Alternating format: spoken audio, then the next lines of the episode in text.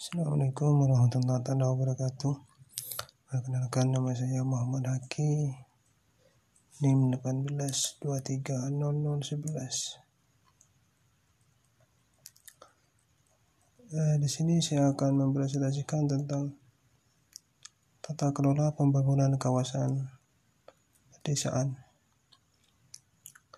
Pembangunan kawasan perdesaan dilakukan oleh pemerintah, pemerintah daerah provinsi, dan pemerintah daerah kabupaten atau kota melalui satuan kerja perangkat daerah, pemerintah desa, dan atau BUM desa dengan mengikut sertakan masyarakat desa.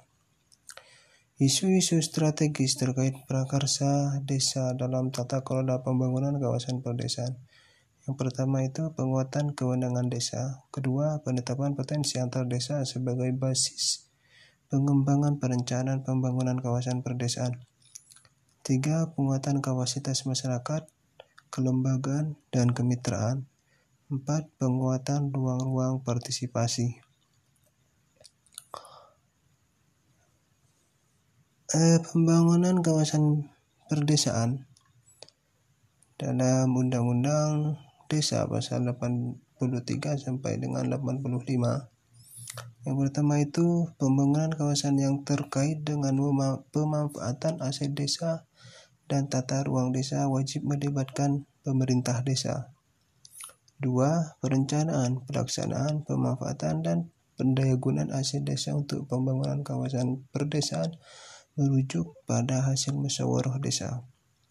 Tiga, pembangunan kawasan perdesaan dilaksanakan melalui satuan kerja perangkat daerah, pemerintah desa, dan atau BUM desa dengan mengikut sertakan masyarakat. Keempat, pembangunan kawasan perdesaan yang berskala lokal desa wajib diserahkan pelaksanaannya kepada desa dan atau kerjasama antar desa. Mungkin itu sedikit yang dapat saya sampaikan, kurang lebihnya mohon maaf. Assalamualaikum warahmatullahi wabarakatuh.